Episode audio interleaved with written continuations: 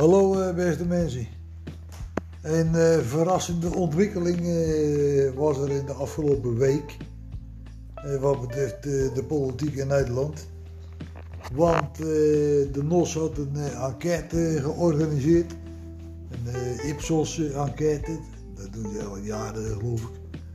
Maar tot ieders ver- verrassing was de populariteit van de koning die was gedaald van eh 79% in, eh, ja, ergens in juni of zo, of weet ik veel, eh, begin dit jaar in elk geval, tot eh, slechts eh, de 47% in de afgelopen week. Dus ja, dat zijn natuurlijk best eh, verontrustende ontwikkel- ontwikkelingen voor eh, meneer de koning. Het, eh, het positieve van eh, hiervan is dat eh, wij, de Republikeinen, en ik als kandidaat voor de eerste president van de Republiek Nederland, dat wij nu voorliggen in, in de peilingen. Willem-Alexander de- de- die staat op eh, 3,47 procent. Nou, het zijn natuurlijk gewoon communicerende, communicerende vaten. Dus dat betekent eh, kortweg, kort en goed, dat eh, onze positie, wij nu aan de lijnen gaan met 53% voor de Republiek. Want het is zo, beste mensen, er zijn maar twee mogelijkheden. Het is of de Republiek of meneer de koning van Oranje Nassau, hè, wat we nu hebben.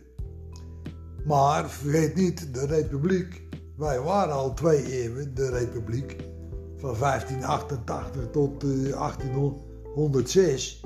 En in die tijd waren wij de enige republiek op de wereld. Totdat de Amerikanen eh, het als eerste van ons eh, overnamen in 1789.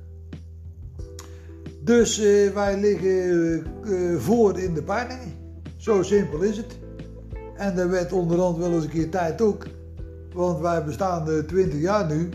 En we hadden gedacht dat in die tijd wel te realiseren.